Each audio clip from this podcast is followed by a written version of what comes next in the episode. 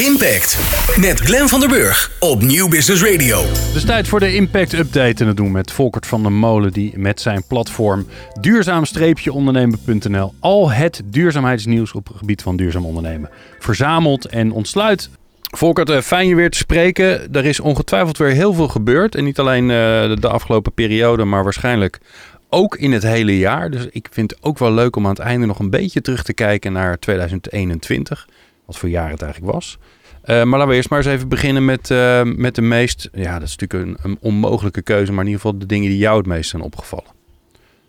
Ja, dat is inderdaad weer, uh, weer veel en een moeilijke keuze. Nou, wat ik heel bijzonder vind, is dat de Universiteit van Wageningen gisteren voor de vijfde achtereenvolgende keer gekozen is als de meest duurzame universiteit ter wereld. Zo. En uh, dat is natuurlijk een enorme prestatie uh, onder de bijna duizend universiteiten die eraan deelnemen. En ook heel bijzonder is dat er drie universiteiten uit Nederland in de top 10 prijken. Want op nummer 3 staat Groningen, de Rijksuniversiteit Groningen.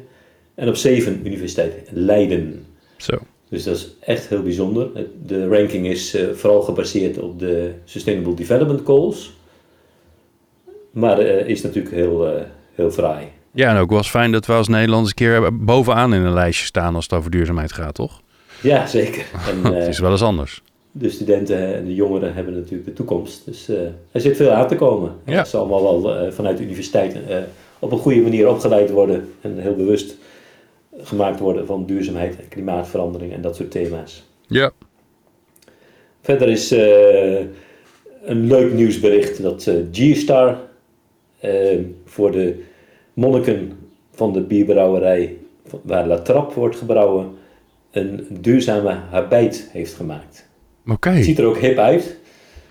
Van denim en uh, cradle to cradle gecertificeerd zelfs. En uh, echt, uh, echt een leuk, leuke stap. Die lopen nu gewoon in denim rond. en, ja, het zou ja. helemaal grappig zijn als er nog een, een commercial met Snoop Dogg bij, bij komt. Ja, precies. ja. Ook deze week is uh, de Nederlandse versie van het uh, eerste boek wat Paul Polman heeft uh, gemaakt uitgekomen. Het heet Netto Positief, in het Engels dus Netto Net Positive. En het gaat erover over hoe je als bedrijf dus het onderwerp klimaatverandering goed op kunt pakken en daar hm. leiderschap in kunt tonen. En daar zijn volop mogelijkheden voor. En de noodzaak is er natuurlijk niet minder om en uh, hij is veel in het nieuws ook deze week.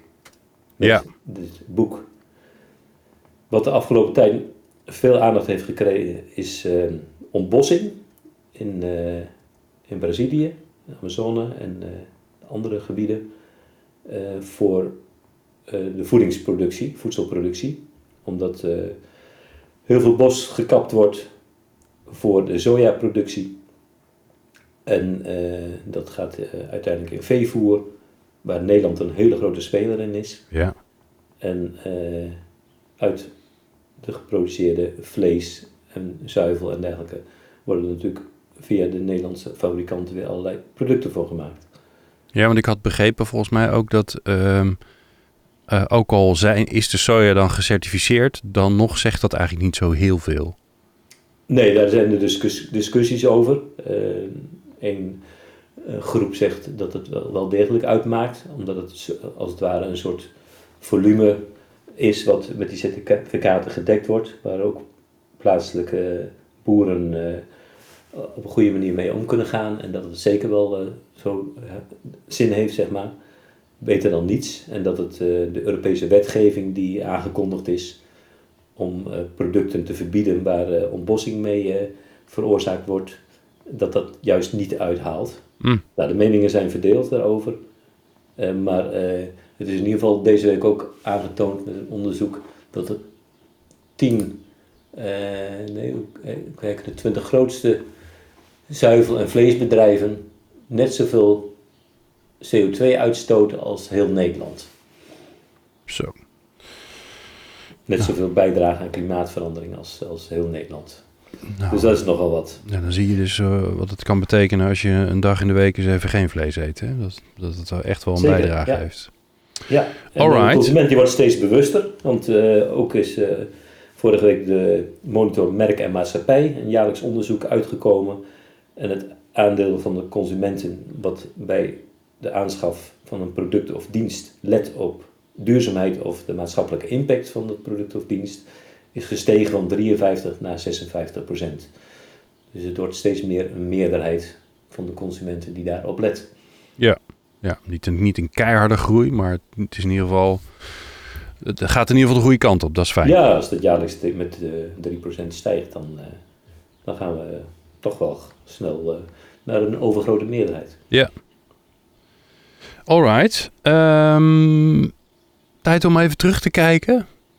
Ja, zeker leuk. Uh, want dit is ook het jaar, dus 2021, waarin uh, nog nooit zoveel gezocht is naar het uh, onderwerp duurzaamheid in Google als ooit tevoren.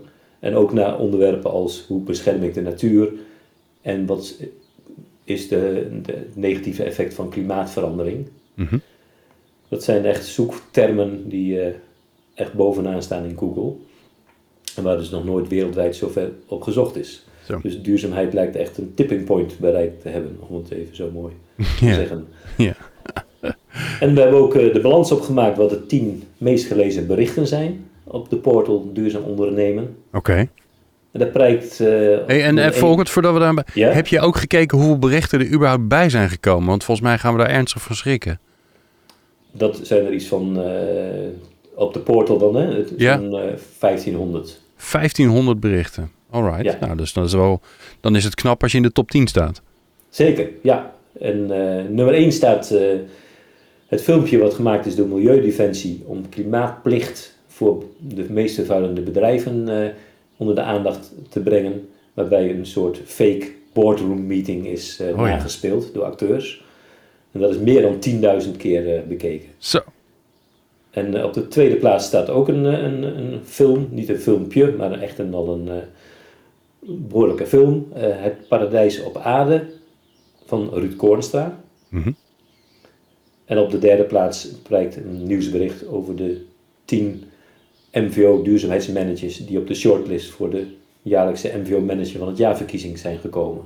Okay. En die verkiezing is uiteindelijk gewonnen door Marianne van Keep van Verstegen Kruiden. Ja, ja, en ik mocht uh, uh, alle drie de, de, de finalisten, de drie, de, de drie, de drie die uh, de, de, finale plaatsen hadden bereikt van die tien genomineerden, die heb ik alle drie geïnterviewd. Ja. Dus als je die nou nog wil horen, dan kan je die natuurlijk altijd nog beluisteren via impact.radio.